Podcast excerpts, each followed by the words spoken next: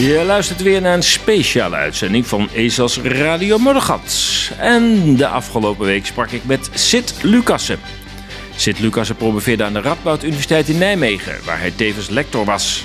Hij werkte als beleidsadviseur in het Europees Parlement en publiceerde tientallen boeken en honderden artikelen. Hij publiceerde ook boeken als Levenslust en Doodstrift, De Democratie en de Media, Avondland en Identiteit, Moord op Spinoza, Cultuurmarxisme, de Europese spagaat en zelfs een boek over president Erdogan. Hij lanceert de komende weken zijn nieuwe boek, Huis van de Muze. En daarover schrijft de uitgever Amsterdam Books. Met de publicatie van deze briefwisseling met Joris Bouwmeester laat Sid Lucassen vriend en vijand in verbijstering achter. Hij heeft vrienden verloren, minnaressen de gordijnen ingejaagd en politieke bondgenootschappen op het spel gezet. Niets kon hem stoppen om dit project te voltooien. Einde citaat. En natuurlijk spreek ik niet alleen met Sid Lucassen, maar ook met Peter van Asselt over hun gezamenlijke videodocumentaire over het burgemeesterschap. En daarvoor gingen ze zelfs naar Duitsland. Kortom, meer dan voldoende stof voor een goed gesprek met Sid Lucassen en Peter van Asselt.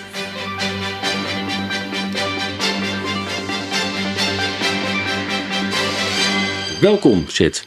Ja, dankjewel. Dank voor de uitnodiging, Paul. Leuk, eh, gezellig om hier te mogen zijn. Nou, leuk dat je, de, eh, dat je er bent. En uh, ja, je hebt een enorm oeuvre al op je naam uh, staan. Dus uh, het was voor mij wel een hele grote opgave om te kiezen van ga ik het over hebben. Het, het kan over zoveel gaan. Maar toch wel een paar dingen. In ieder geval, de startvraag is: we leven in een tamelijk woelige tijd. Mm -hmm. Wat houdt jou op dit moment het meest bezig? Wat mij op dit moment bezighoudt is, dit, is het, het splijtstuk waarheid en mythe. En dat we altijd uh, geneigd zijn om de mythe te zien als een soort fabeltje en de waarheid als van, nou, dat is dan de realiteit. En eigenlijk tegenover elkaar, een soort dichotomie. Uh, maar dat het eigenlijk helemaal niet terecht is. Dat we waarheid meer veel moeten zien als, uh, ja, dat hoe het echt is. En ja, kunnen we dat helemaal bevatten? Kunnen we dat helemaal begrijpen? Ja, eigenlijk niet. We zijn altijd eigenlijk bezig met een uitsnede daarvan. En dus als je een foto van iets maakt, ja, het kan heel sterk lijken dat die foto de waarheid is. Ja. Maar het blijft natuurlijk altijd een compartiment, een deel. Er blijft nog altijd zoveel te zeggen en zoveel te weten. En um, de mythe is veel meer dat wat ons richt. Hè? Wat, wat vinden we nou belangrijk? En ja. wat willen we nou bouwen? Wat willen we nou maken? Wat willen we er nou eigenlijk mee? Dus de mythe geeft veel meer de richting. En, en de waarheid is veel, veel meer de stof die we tot ons nemen. En, en om zo op een nieuwe manier naar waarheid en mythe te kijken. Niet als twee dingen die tegenover elkaar staan. Maar juist twee dingen die in elkaars verlengstuk staan. Je hebt zeg maar de, de, de, de mythe die een context geeft voor de waarheid. Um, nou ja, kijk. Nee, mensen hebben altijd al kennis geput uit van alles en nog wat. Hè? Kennis over, uit de natuur of kennis over chemie of over wat dan ook. En daar doen we wat mee. Daar gaan we een huis mee bouwen of een waterleiding aanleggen of wat dan ook. Um, dus in die zin is, is, is de waarheid een soort, soort grondstof. De totale gegevenheid van alles. Hè? Van dat wat het is. Maar de, de vraag is van, ja, uh, wat beklijft? En wat raakt ons nu? Wat, wat, wat, wat, wat blijft nu hangen bij ons? En wat, wat zien we überhaupt niet? En wat, ja, dat wordt eigenlijk allemaal genegeerd door, of sorry, dat wordt eigenlijk bepaald door dingen die ideologieën of wensen of, of predisposities of een moraliteit of een ethiek. En ja, dat het eigenlijk um, richting geeft aan de wijze waarop wij op de waarheid georiënteerd zijn. En, op, en, en eigenlijk is een soort, soort, soort, ja, soort, soort ideologie of zo, een soort mythe, die al in ons, um, in feite al een soort, soort voet in ons gezet heeft. En die volgens maakt van, goh, uh, wat vang ik überhaupt op van die waarheid? Wat, wat, wat beklijft? Wat, wat, wat, valt binnen, wat valt binnen mij en wat blijft daar, daar steken? Zo'n ideologie is in principe ook een soort mythe. Ja, exact. Ja. Exact. En ideologie is eigenlijk de meest politieke inkleding daarvan. Maar ja, nou goed, daar gaat dit boek dus over. Hè, het Huis van de Muze. Wat, ja. wat die mythe nou is. Ja, en dat, zo ook, dat, ja. Dat wat richting geeft. Kijk, kijk, dan kom je op geworpenheid. En dan kom je op. Um, kan je nu als mens een vinding uit het niets zijn? Heel abstract, maar je kan niet, zelfs als je zegt van ik wil, ik wil mezelf helemaal zelf bepalen. Ik wil helemaal mijn eigen wil zelf bepalen. Ik wil helemaal mijn eigen wens zelf bepalen. Ik wil niet dat de wens in mij die ik navolg door een extern iets gegeven is, dat kan in feite al niet. Want de woorden die jij, die jij nodig hebt uh, om jouw gevoel in uit te drukken, of om, om jouw wens in, in een richting te geven, dat is ook al een extern decorstuk, zeg maar. Hè? Uh, überhaupt voordat je je eigen gevoel kan uitkristalliseren, of voordat je je eigen oriëntatie, je eigen wens, misschien voel je je aangesproken iets van, oh, die kant wil ik op. Maar om dat echt te kunnen, eh, te kunnen poneren, te kunnen begrijpen wat je eigenlijk is dat je zelf wil, heb je al woorden nodig die niet het product van je eigen arbeid zijn, zeg maar. Dus je kan onmogelijk een soort vinding uit het niets zijn, zelfs al wil je dat. Dus die zin is er altijd mythe. Dus op, op, de, op, op, op de rafelranden, op de uiteinden van, van elk veld van willen en wensen, daar vinden wij altijd al iets dat gegeven is, iets dat in zekere zin mythe is. Maar bestaat er dan nog wel zoiets als waarheid?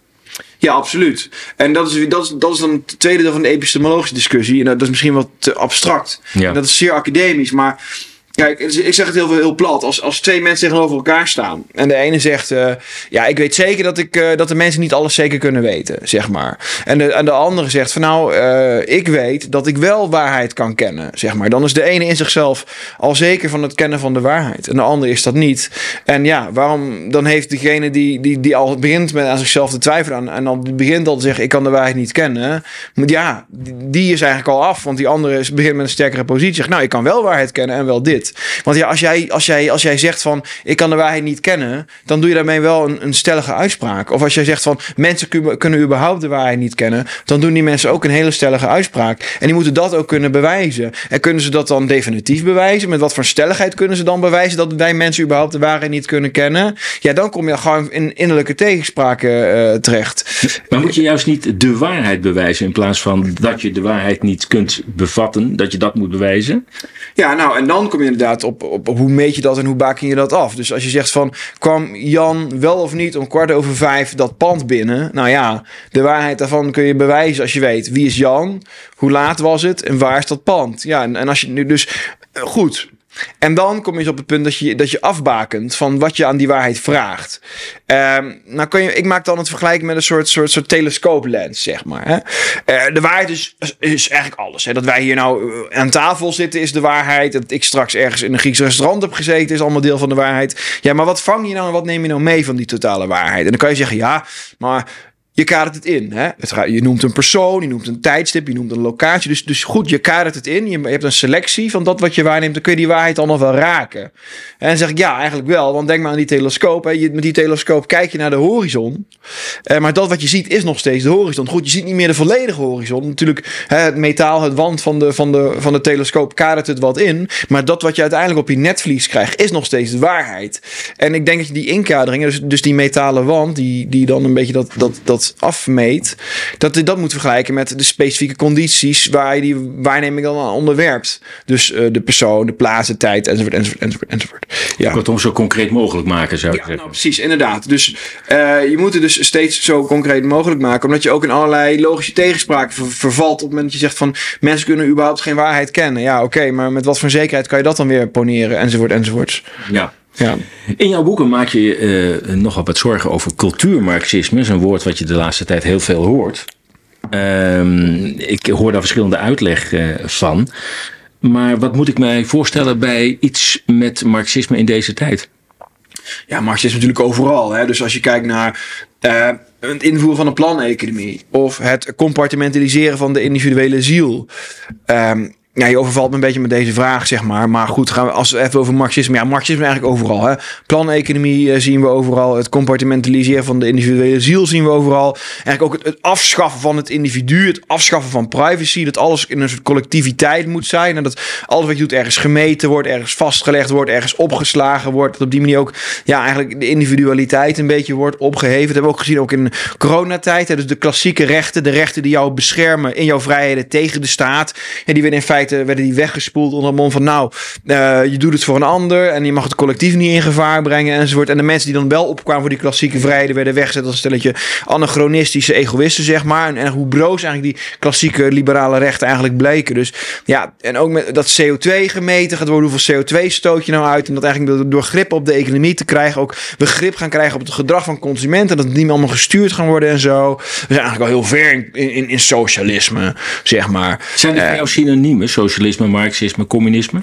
Ja, nou ja. mm, in de Je kan natuurlijk in theorie kan je zeggen eh, dat het communisme ook echt een staatsvorm is, zeg maar. En een socialisme meer een stroming, een beweging. Oké. Maar ja, dan kom je ook nog eens op specifieke cultuurmarxisme. En dan kom je eigenlijk op Gramsci. En eh, dat leg ik even uit voor de, voor de, voor de kijkers, luisteraars. Want ehm, ja, in het marxisme is eigenlijk heel erg binair. Je hebt de arbeider, het proletariaat, hij die niets anders bezit dan zijn kinderen. En je hebt de bourgeois, de, burgerij, de, de, de adel, de grootgrondbezitters, de eigenaars van de grote fabrieken, de handelskapitalisten. Nou, en eigenlijk die twee klassen eigenlijk voortdurend in strijd. De arbeider, de bezitsloze, die alleen maar zijn arbeid bezit, is eigenlijk in strijd met de bourgeois, de burgerij. Dus de bezitter van de productiemiddelen en de bezitter van het kapitaal.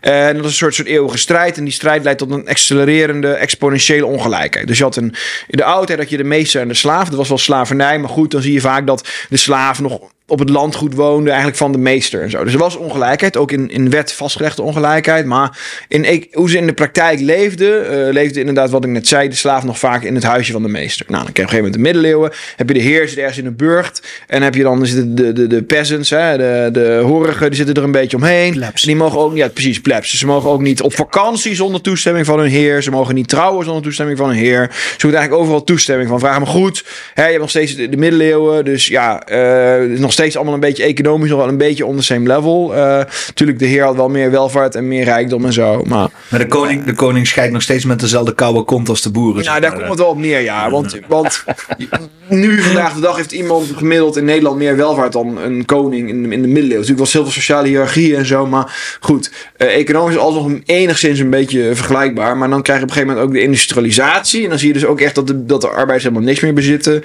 En ja, ook ergens in een soort hutje wonen op de rand van de stad. En dan de heren bezitten alles. Hè. Die bezitten de productie, die bezitten de fabrieken, en die bezitten de lopende banden. En dan krijg je dus smog uit de fabrieksschorstenen. Die, die waait over de heuvel. En de heren wonen daar dan waar, eh, waar het allemaal eh, netjes is en zo. En de, al die smog die waait over, de- over, de- over de arbeiders heen. En die bezitten helemaal niks meer. En die ook generatie op generatie bezitten die ook niks meer. Want een dubbeltje wordt nooit een kwartje en zo. Dat hele verhaal is het marxisme. Maar nu cultuurmarxisme. Exact. Want de cultuurmarxist die zegt ja, maar dit is een economische indeling van de wereld. En eh, de marxist gaat ervan uit dat deze economische ongelijkheid tot zo'n eh, kapitalistische concurrentie leidt, waarbij er maar een paar zo'n felle concurrentie dat een paar lui alles overhouden, een heleboel ongerooi- berooide eh overhouden, die dan een revolutie ontketen op basis van economische ongelijkheid, een staatsgreep plegen en een soort bezit, bezitsloze, klasseloze maatschappij gaan vestigen, de communistische hel staan. En gewoon een soort utopie, eigenlijk gewoon een soort seculier eschatologie, een seculiere apocalypse, een eindstrijd van de kinderen van het licht tegen de kinderen van de duisternis. En de geschiedenis zelf eigenlijk de God die bepaalt wie aan de goede kant van de geschiedenis staat. Dan zegt de cultuurmarxist, ja maar deze economische indeling volstaat niet, want dit is niet hoe mensen zichzelf in de praktijk ervaren. Dat, nou, dat is natuurlijk de traumatische ervaring van de opkomst van Hitler, de opkomst van Mussolini die het gevoed heeft. Want je zag dus ook dus de, de, de vakbonden en de arbeiders waren best wel machtig geworden ook. En eh, ze konden ook staken en het hele land platleggen. Maar wat ging er gebeuren? Dat men niet zei van oké, we gaan eh, door met die staking. We gaan een bezitsloze maatschappij invoeren. Maar dat ze zoiets hadden, oké, geef mij maar Mussolini, want ik wil dat de orde weer hersteld wordt. Weet je, ik wil rust, orde, overzicht. En je zag ook in de Eerste Wereldoorlog, hè, je zag ook de, de, de boeren in Frankrijk en de boeren in Duitsland pakten de bajonetten op en begonnen elkaar kapot te schieten. En loopgraven, wat weer door de heren was georganiseerd. Hè. De militaire leiders van, goh, we gaan even die oorlog doen. Kom op je bres voor Frankrijk, kom op je bres voor Duitsland, nationalisme. Dus zeiden die cultuurmarxisten, ja, maar we moeten op een andere manier kijken ongelijkheid. Hè. Dus het is niet genoeg om te zeggen dat de arbeider belangen gemeen heeft met een arbeider in Duitsland of zo. Dat, zo werkt het niet. Mensen zitten vast in een nationaal bewustzijn. Ze zijn loyaal aan koning, aan, aan, aan godsdienst, aan God, vaderland oranje, zeg maar. Dat is ook in Nederland, hè. Je had dus in Nederland ook eh Troelstra, socialist, die zei het is tijd voor revolutie. We gaan allemaal. Nou, hij had een revolutie uitgeroepen en zegt het is nu tijd om ook in Nederland een communistische revolutie te hebben. Maar ja, wat gebeurde er? Vervolgens gingen allemaal mensen gewoon met oranje vlaggen naar buiten. Ook gewoon mensen uit de gewone arbeidersbuurten gingen allemaal demonstreren voor de koning en zo. En dan kreeg ook eh, volkswijken waarin werd gezegd eh, lang leven de koning, weg met de sociale en zo. Dus Nederland bleek een best wel reactionair land te zijn eigenlijk. En eh, nou, toen heeft hij trots ook, sorry, ik heb het allemaal anders bedoeld, zeg maar. En dan moest hij een beetje afdruipen. Die revolutie die kwam helemaal niet. Nou, dat. En dus die cultuurmarxisme kwam. Dus je moet, het, je moet niet meer praten over bourgeois uh, tegen arbeider. Je moet praten uh, over onderdrukker versus onderdrukte. Hè? Dus, dus de plek die men zichzelf toekent binnen de maatschappelijke hiërarchie is bepalend voor het zelfbeeld van iemand. Ik heb, ik heb begrepen als ik het woord cultuurmarxisme hoor dat het een hele negatieve term is. Het wordt ook vaak in dat, die context gebruikt. Maar zoals ik het jou nu hoor zeggen. Ja. zeg je van ja, dit is gewoon een stroming ja. die op een andere manier tegen de huidige samenleving aankijkt. Ja, maar daar zijn ook heel veel bronnen over. Dus, dus denk maar aan het boek uh, Trent Schooier. Um, uh, ja, The Critique of Domination. Dat is een boek wat ooit een, uh, bijna de Amerikaanse National Book Awards heeft gewonnen. Dat gaat hier gewoon over. Dus hij, is, hij schreef dat boek in de jaren 60 of zo. Hij was zelf links en hij schreef een boek om de cultuurmarxisme en de economische marxisme te verzoenen. Daarom schreef hij een boek. En dat boek werd, ge, werd genomineerd voor National Book Awards, zeg maar. Dus het werd, ook geprezen als, als een heel informatief boek, zeg maar. En ja, de cultuurmarxisme was gewoon een term. Denk maar ook aan uh, Frederick Jameson, schreef ook het boek um, Conversations on Cultural Marxism. Hij is ook bekende linkse uh, cultuurcriticus en dergelijke. En ook uh, Terry Eagleton heeft er ook al over geschreven. En er zijn vet veel lui die erover geschreven hebben allemaal. En nou ja, goed, op een gegeven moment begon rechts het ook te gebruiken. Hè. Dus, dus rechts begon ook over, over, over... Nou, het was duidelijk dat er dus geen economisch marxisme in de westerse wereld zou ontstaan. Dat is heel lang al duidelijk. Hè, dat die troelstrijf min of meer afgedropen met zijn hart, met, met, zijn, met zijn staart onder de benen. En niemand heeft er meer geprobeerd om in West-Europa een communistische revolutie te doen. Nou, misschien nog een beetje de, de Rode Armee-fractie met een bom aanslagen. Maar dat keerde zich ook alleen maar tegen hun. Maar het cultuurmarxisme is wel echt een ding. Dus dat, dat, dat het, het, ja, het marxisme aan de westerse kant van de Berlijnse muur, zeg maar, gewoon een andere weg moest kiezen. Dus dit, dit komt op de lange mars de instituties aan. Dus zijn ze universiteiten gaan zitten, in vakbonden gaan zitten, in de media gaan zitten, in musea gaan zitten, in kunst- en cultuurbeleid zijn ze gaan zitten. Dus terwijl rechts bezig was met geld verdienen, uh, had het marxisme gewoon een hele cultuurindustrie. Zorg, natuurbescherming, uh, ontwikkelingshulp, bevrijdingstheologie. Ja, dat is allemaal eigenlijk cultuurmarxisme. En of door mensen met cultuurmarxistische denkbeelden is dat geïnfiltreerd. En om daar nu, maar goed, rechts begonnen daarover te hebben. En sindsdien is links zijn gezegd: nee, cultuurmarxisme bestaat helemaal niet. Kan je gewoon wijzen op boeken die ze zelf hebben uitgegeven. Nee, je bent complotdenker, je bent, uh, je bent een terrorist. En dan, nou ja, goed. En dan is het gewoon de mainstream media die dat maar gewoon blijft rondblaten. En dan gaan ze Wikipedia editen. En dan gaan ze geschiedenisvervalsing doen. Want dat zijn het gewoon. Het zijn gewoon stelletje, ja, totalitaire. Zijn niks beter dan Hitler, Goebbels, Lenin, Stalin. Gewoon geschiedenis vervalsen. Gewoon geschiedenis vervalsen. En je, en je kindjes op school gewoon wijsmaken dat ze gek zijn. Dat is wat ze doen. Ja, ze zijn gewoon onbetrouwbare honden. Ik, kun je uh, wat dat betreft cultuurmarxisme ook in verband brengen met uh, het verlies aan identiteit? Ja, uiteraard. Want als je dus op het standpunt komt dat het een strijd is tussen... Um, niet tussen arbeider en bourgeois, maar tussen onderdrukte en onderdrukker. Nou, dan kan je dat helemaal los gaan trekken. En dan kan je zeggen: oké, maar uh, bijvoorbeeld de pedofilie werd gezien als een slachtoffer van het burgerlijke kapitalisme. En dan kan je op Daniel Cohn-Bendit en zo allemaal. Pedofielen werd echt gezien als van: nou, je hebt een vorm van seksualiteit. Nou, die wordt onderdrukt in deze maatschappij. Die wordt onderdrukt door de kapitalistische bourgeoisie. Dus er moet ruimte voor geschapen worden. Dus, dus, nou, en dat werd dan met de homoseksualiteit en zo. En de immigranten en de moslims en de, en de vrouwen en de lesbiennes en de gehandicapten en van allerlei randgroepen waarvan gezegd werden, nou, die mensen worden een beetje gemarginaliseerd door het systeem. Dus dit zijn, dat zijn onze bondgenoten. Hè? Dus ze hadden inderdaad in de gaten, ja, die arbeider, die wil gewoon ook een vakantietje in Spanje en die wil ook zijn wintersportje en die wil ook zijn autootje en, en die is eigenlijk al ingekapseld, zeg maar. Die gaat het niet meer doen voor ons. Dus we moeten nieuwe doelgroepen gaan vinden. Nou, die werden gewoon in academici, in de marginalen. Ja, het staat ook gewoon in een boek. Hè. Ik Slachtoffer zou je ja, zeggen. maar het staat ook gewoon in boeken. Gewoon, gewoon en Hollander, de geschiedenis van de 20e eeuw en zo. Wat boek wat ik moest lezen voor mijn leeropleiding geschiedenis die ik, die ik gedaan heb, daar stond dat gewoon in. Ja. Ik heb het gewoon nog geciteerd ook in, in, in, in Levenslust en Doosdrift en zo. Het is gewoon allemaal, het is gewoon al een kanon. Maar ja, dan wordt zeggen, ja, dat is uh, complottheorie. Ja, als je dat zegt, dan ben je echt gewoon extreem recht. Maar, nou. Waarom denk je dat, uh, dat ze dat, uh, dat narratief aanhouden? Hoe denk je dat dat, dat, dat, dat ontstaan is?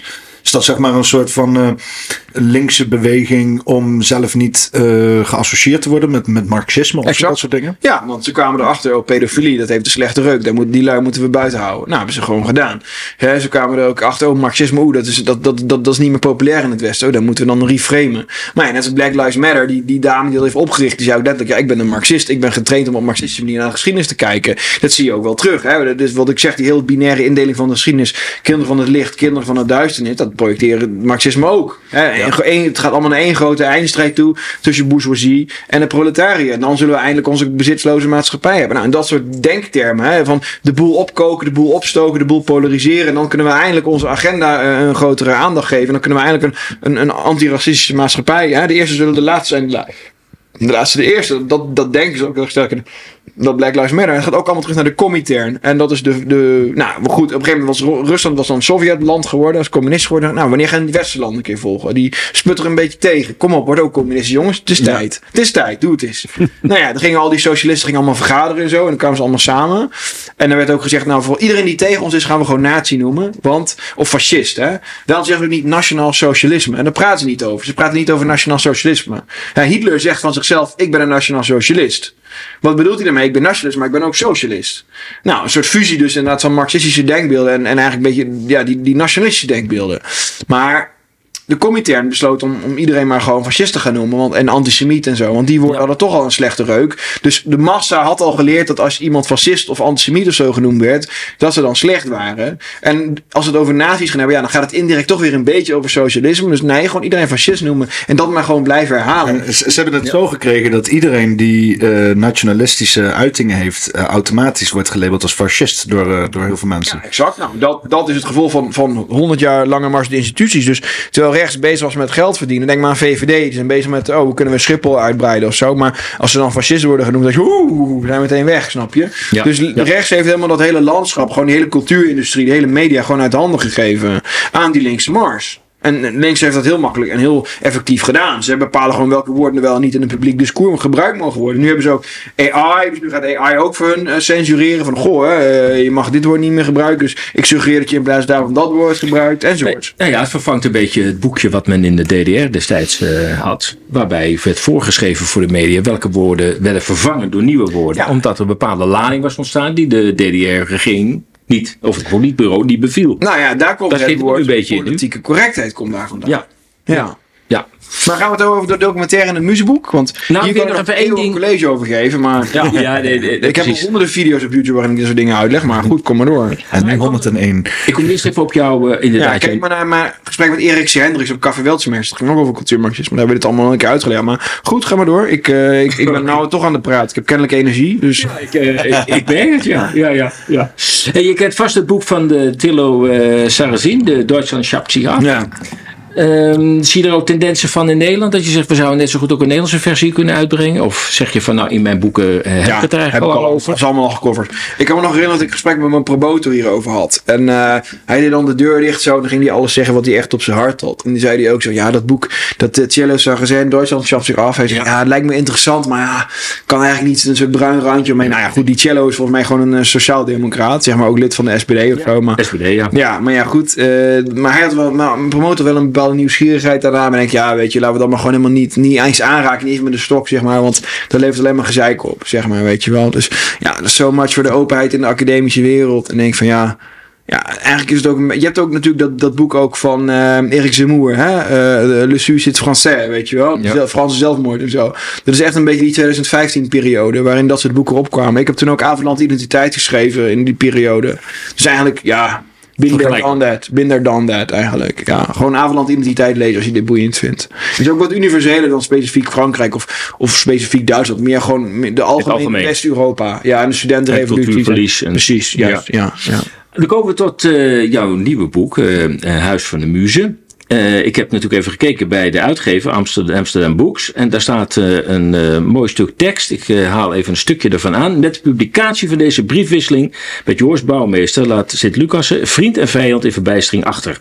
Hij heeft vrienden verloren, minnaressen de gordijn ingejaagd en politiek bondgenoten op het, dus bondgenootschap op het spel gezet.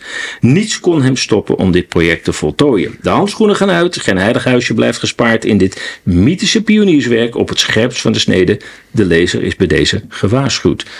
Wat kunnen we verwachten als we het boek openslaan zitten? Ja, een hoop vuurwerk wel. En een, eh, ik zou eigenlijk moeten zeggen, een onaflatende stroom subversieve insinuaties. Dat is nogal wat. Ja.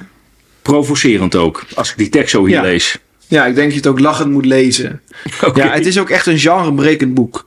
Want. Het is eigenlijk een serie briefwisseling, maar ook een serie essayistische commentaar. Ook een serie dingen die echt gebeurd zijn. Ook weer een commentaar op Wellebeck, een commentaar op, op artificial intelligence. Gewoon echt leuke anekdotes uit mijn leven, de een na de ander. En dat allemaal gewoon bij elkaar. Ik had op een dag van, ja, ik wil wat zeggen, maar het komt er maar niet uit. En ik begon maar gewoon ergens te schrijven. Gewoon, gewoon begin maar ergens. Je hebt je geen enkele En, eh, beperking opgelegd, begrijp Ja, ik. ik citeer nou eventjes een stukje Ja, eh, uit het laatste, uit het laatste eh, hoofdstuk, zeg maar.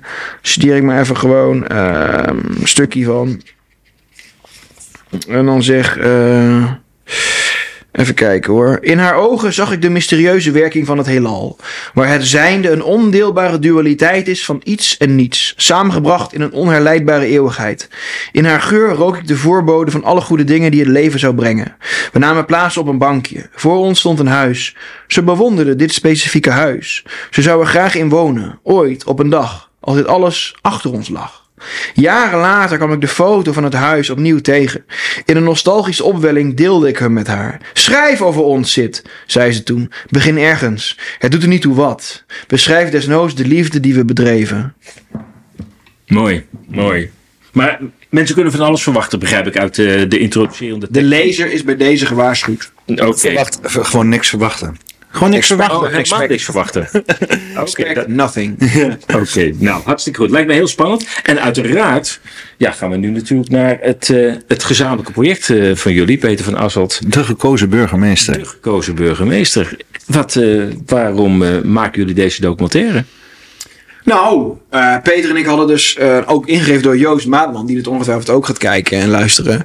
Ingegeven het idee, moeten jullie niet een soort roadtrip maken? Hè? Want kunnen jullie jullie authentieke chemie, gewoon van twee rauwe gasten, die maar gewoon, gewoon de wereld benoemen zoals die is. En heel dicht op je eigen ervaring spreken.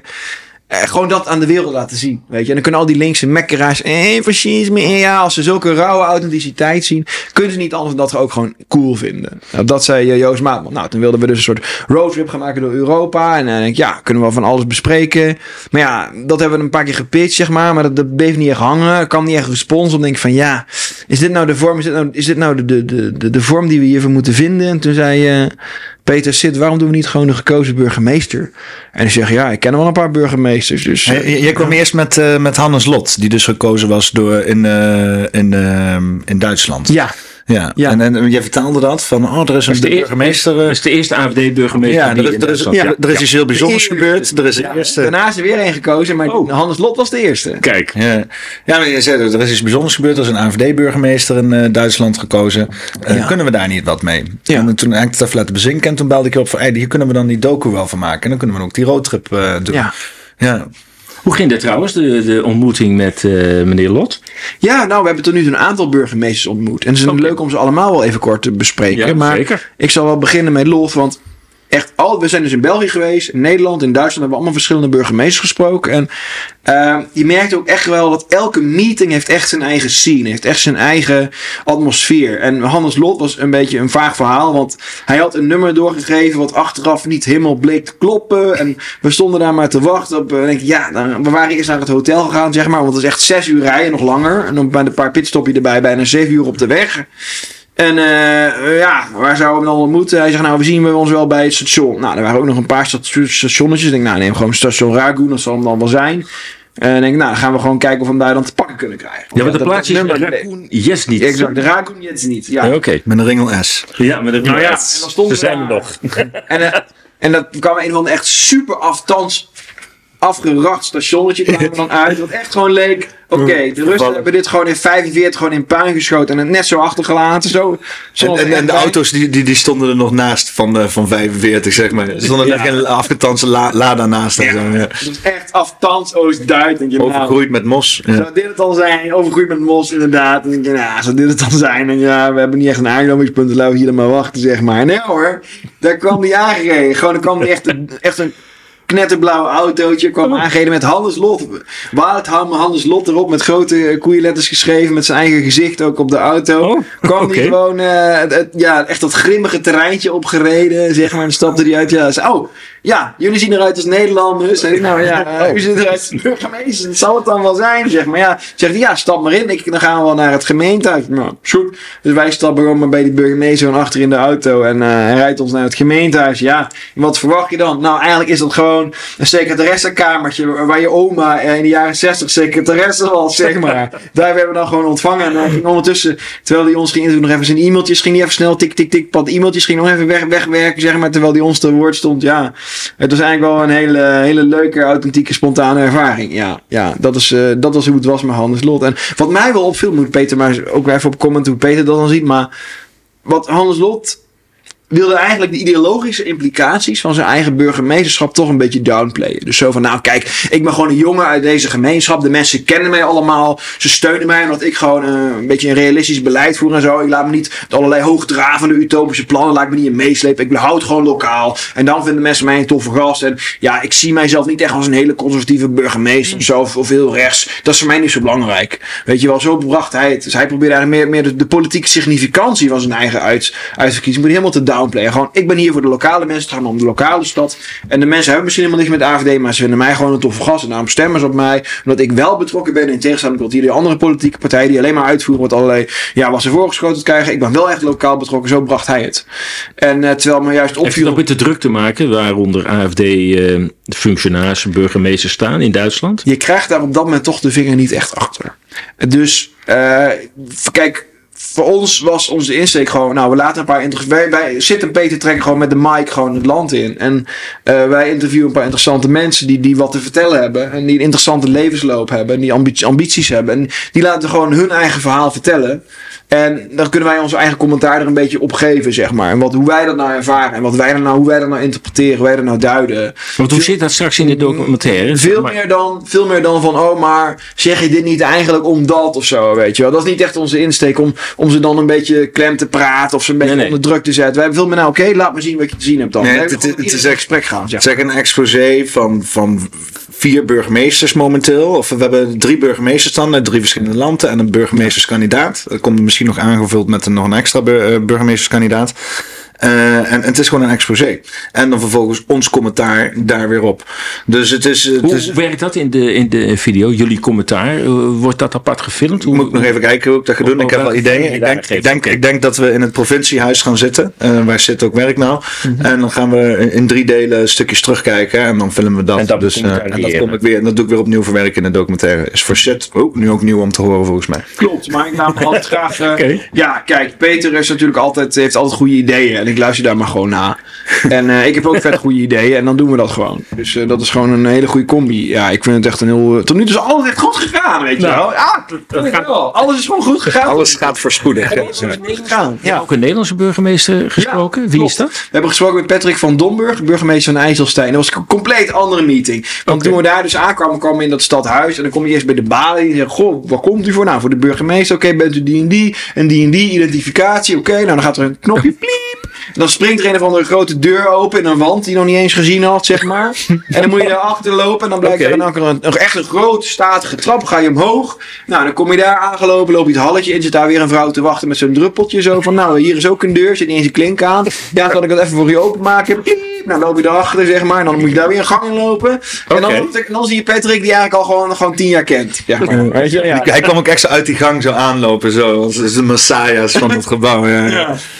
Ja. Je zou dat in Duitsland juist verwachten, dat hele nee, formele nee, man. Nee, want in Duitsland is de burgemeester eigenlijk zo'n informele homeboy, zeg maar, die kiest gewoon. En uh, in Nederland word je echt door de kroon benoemd en zo. En dan heb je ook de status en zo. Je weet, je, ook, het, ook het contrast tussen de werkkamer van Patrick en, en Hannes is gigantisch. Ja, ja. Patrick die werd gewoon, een, dat is bijna een CEO van een grote business. Ja. Met een, een loungehoek en een, Ja. een actievere Oh. hoek en zijn eigen bureau. En grote schilderij erachter en Ja. allemaal ornamenten en zo. Echt En- ornamenten, Ja. kettingjes uit de middeleeuwen die er nog hangen. Ja, en zo, ja. allemaal een bling en zo. En Hannes Lot is echt gewoon het had een koffiezetapparaat Ja. in de hoek staan, hè? dat Ja. was het zo'n beetje. Dat was het wel. Ja, het van je oma, zeg maar. Ja. En hoe, eh, hoe ver zijn jullie nu met de documentaire? Eh, we hebben... Halverwege, kwart, eh, Ja, half ja. Denk, denk wel halverwege, ja. ja het is de, de, de edit is nog een hele puzzel. Mhm. Ehm, eh, ik, ik heb nu al het materiaal doorgelopen. We Ik heb alle eh, interviews heb ik, eh, goed staan, in ieder geval qua eh, eh, eh, techniek. Dus ik ga nu dat helemaal opknippen. Dus nu ga ik echt puzzelen. En eh, eh, eh, ben er nog wel een maand mee bezig, Dick. Eh, op zijn minst. Minstens wel. Ja, we hebben ook tijd voor genomen, hè? Ja, Ons idee was om het een beetje in, eh, eind april, begin mei of zo te presenteren. Ja, zoiets. Ik moet ook in het proces eh, inzoomen en uitzoomen. Ik kan niet zeg maar drie weken keihard knallen, want dan, dan verdwijn ik in, in eh, een bepaalde focus. Die, die, eh, dan ga ik oogkleppen krijgen, zeg Moet maar. even afstand nemen. Ja, ja, ja, dus ik heb echt een bepaalde fases. Ik heb nu al het materiaal doorgelopen. Dus ik ben nu even afstand aan nemen. De volgende keer dat ik erin duik, dan ga ik alle interviews knippen. eh, naar leuke stukjes. In, in drie secties ga ik die opdelen. Wat is een burgemeester? eh, hoe staat het ervoor en wat vinden we ervan? En eh, die gaan we dan in drie fases terugkijken in het provinciehuis. eh, en dat ga ik opnemen en dat verwerk ik ook opnieuw erin. En als het goed is, ga ik er ook nog een voxpop bij doen.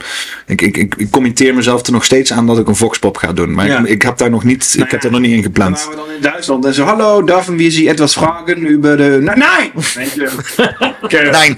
Ja, oké. En, ook, en ook dat jullie de band van de auto aan het verversen waren of zoiets, of, of een filmpje aan het Nee, nee, we waren, waren het filmen inderdaad op de straat. Toen iemand kwam er die- iemand naar ons Ja. toe lopen en die allemaal vragen stellen. En wij zo van, oh nou, we zullen we anders even filmen? Nee, nee, nee, toen liep hij meteen weg. Ja. Het is echt heel schuw daar in Oost-Duitsland. eh, ja. Exact. Ja, die ervaring heb ik ook in het Oost-Berlijn. Daar heb je nog steeds hetzelfde inderdaad. Hey, maar wel- hoe gaan jullie distribueren? Eh, welke platforms komt het? Soulflix als eh, hoofddistributie. Daar gaat er volledige eh, documentaire op komen. Maar nog extra materiaal. Ik zat er ook Ja, aan te denken. om- extra materiaal. Die hele interviews ga ik ook nog publiceren en Oh, zo. oké. Dus, eh, Als eh, los interview, zeg maar. Ja, ja, ja. Dus eh, iedereen kan echt de totale Ja. transparantie. Ja, Iedereen kan zien hoe ik de puzzel eh, in elkaar heb gezet en zo. Want ik ga sowieso mijn mening erin verwerken. Daar ontkom ik niet aan. Tuurlijk. Dus, maar dan ga ik ook daarnaast laten zien eh, eh, hoe, het, hoe die mening dan tot stand is gekomen. Ja. Dus want het is gewoon een interview. En eh, dan zie je Sid gewoon de vragen stellen. Die gaan er ook, gaan ook allemaal op Soulflix. En dan doe ik kleine snippets doe ik op mijn YouTube kanaal zetten. Om het een beetje wat mensen naar het platform te halen. Soulflix.nl. Soulflix.nl. En ik nodig natuurlijk iedereen uit om sowieso naar Soulflix.nl te gaan. Ja, rijk platform, mag ik zo al zeggen. Wat er Ja, allemaal wel een rijke is presentatieavond die we gehad hebben. Ja, ja, dat was leuk. Want we zijn nog met de opening. Oh, ja, was Ja, ja, was ik bij. Was ik bij. Heb je, heb je al een Soulflix account, Paul? Jazeker. Heel goed. Ja, er staan al een aantal podcasts dat op. Ja, bezig. het- Een beetje bijhouden, een beetje bijhouden. hey, maar ik begrijp eh, dat je nog een aantal boekpresentaties gaat, eh, gaat doen. Ja, Zit, eh, kun je dat 23 niet zo- februari, als ik zo uit mijn hoofd eh, heb, heb ik een plaatje ergens staan. En 2 maart kan ik me herinneren. Ja, maar die 2 maart die is vol. Die is echt voor... Oh, eh, helaas. Ja. Als je daarbij bent, dan ben je dat... Nee, het gaat voor eh, 23 eh, februari. Gaan En we presenteren in het keldertje van Forum. In Amsterdam. Amsterdam. Heeft, Ja, oké. heeft Forum een eigen keldertje? Ja, Forum heeft een eigen keldertje waar het allemaal begonnen is. Ja. Ah, er kunnen ook niet veel mensen in als ik het zo hoor. Ja, dat is ook wel zo. Maar ja, je moet er roeien met de riemen Ja, die we hebben. precies. Kijk, je hebt ook wel eens gigantische boekpresentaties gehad met Jenny Douwers. En dat in Amersfoort dat er 180 man kwam. En ik heb ook wel eens in, in Brasserie de Engel gehad in Rotterdam. Dat, dat, dat er 160 man stond die allemaal nou, de kon de helft kon niet zitten. Ik heb gigantische boekpresentaties ook gehad in mijn leven. Maar Ja. ja, het is zoveel organiseren, Paul. Ja, dat is- En dan had ik ook een heel team. Hè. Ik had een nieuwe zaal met allemaal lui die erin zaten. Die allemaal was een andere energie. Men dacht echt van oké, nu gaat rechts het winnen. Het gaat het, eh, maar dan goed, ik alles, alles weer een beetje gekregen. Al die afsplitsing, al het gezeik. En het momentum is een beetje weggekabbeld. Alle mensen hebben baantjes en zo. En, eh, maar toen had ik een heel team. Ja. En nu moet ik toch een beetje meer alles als one man army doen. Dus ik hou het nu meer wat behapbaar, weet je. Dus dat is het gewoon. Maar waar staan die data? Op eh, jouw website? Ja, volg mijn Telegram. Eh, ga maar naar mijn Telegram. Daar moeten mensen gewoon lid worden abonneren. En ik heb ook een nieuwsbrief. Dr. Dat kun je volgen op mijn, op mijn persoonlijke website. Telegram, Op mijn persoonlijke website Ja? kan je mijn eh, nieuwsbrief volgen. Dat is www.lucas.nl, www.lucas.com. Daar kun je inschrijven voor mijn nieuwsbrief. Kun je af en toe updates. Maar dat, die nieuwsbrief stuur ik één keer in de drie weken, één keer in de twee weken. Dan heb ik de meest actuele, recente dingen die ik gedaan heb. Maar wil je me echt volgen, kun je het best op mijn Telegram Wat is je. Telegram kanaal? Eh, dat is eh, het Dr. Shit kanaal heet Het dat. Dr. Shit kanaal. Het Dr. Shit kanaal Nou. heet dat. Ja. Hartstikke goed. Ja. Sid, dankjewel. Episch. Volgens mij heb je nog heel veel energie dat je moe was, maar ik heb er niet van gemerkt. Was ik ook? Nou, vast, ja. Maar ja, dan krijg ik mic onder mijn kin gedouwd en één komt er veel energie uit. Ja, dat ik. Somehow werkt het zo. Ik heb kennelijk heel veel zendingsdrang. Nou, hartstikke goed. Hey, dankjewel. Ja, dank jullie. Hartstikke bedankt. Fijne avond, fijne dag en geniet ervan. Heel zeker, dank je. Zo, dit was het dan. Het interview met, eh met Sid Lucassen en Peter van Asselt. En eh, hou die, eh, die documentaire in de gaten. Ik wordt verwacht dat hij zo'n beetje in de zomer online gaat komen. en ik denk dat het een hele bijzondere documentaire gaat, gaat worden. En natuurlijk, het boek Huis van de Muze werd besproken. Dat is te verkrijgen bij amsterdambooks.nl slash products slash Sint het Huis van de Muze. En um, ja, wil je een heel overzicht van het oeuvre van Sid, dan kun je natuurlijk naar zijn eigen website, sitlucassen.com. En Lucassen is met dubbel K, dubbel S en dan slash boeken. Je luisterde wederom naar een uitzending, in dit geval een speciale uitzending van ESA's Radio Moddergat. Als je deze podcast waardevol vond, ondersteun ESA's dan met een donatie, een lidmaatschap of aankoop van een van onze magazines. Maak ons bereik groter en deel deze podcast van Radio Moddergat op je social kanalen. Je kunt ESA's volgen via onze nieuwsbrief, RSS en Substack. En kijk voor meer informatie op esas.nl. Ik wens je een goed weekend. Blijf waakzaam, blijf sterken. Tot volgende week.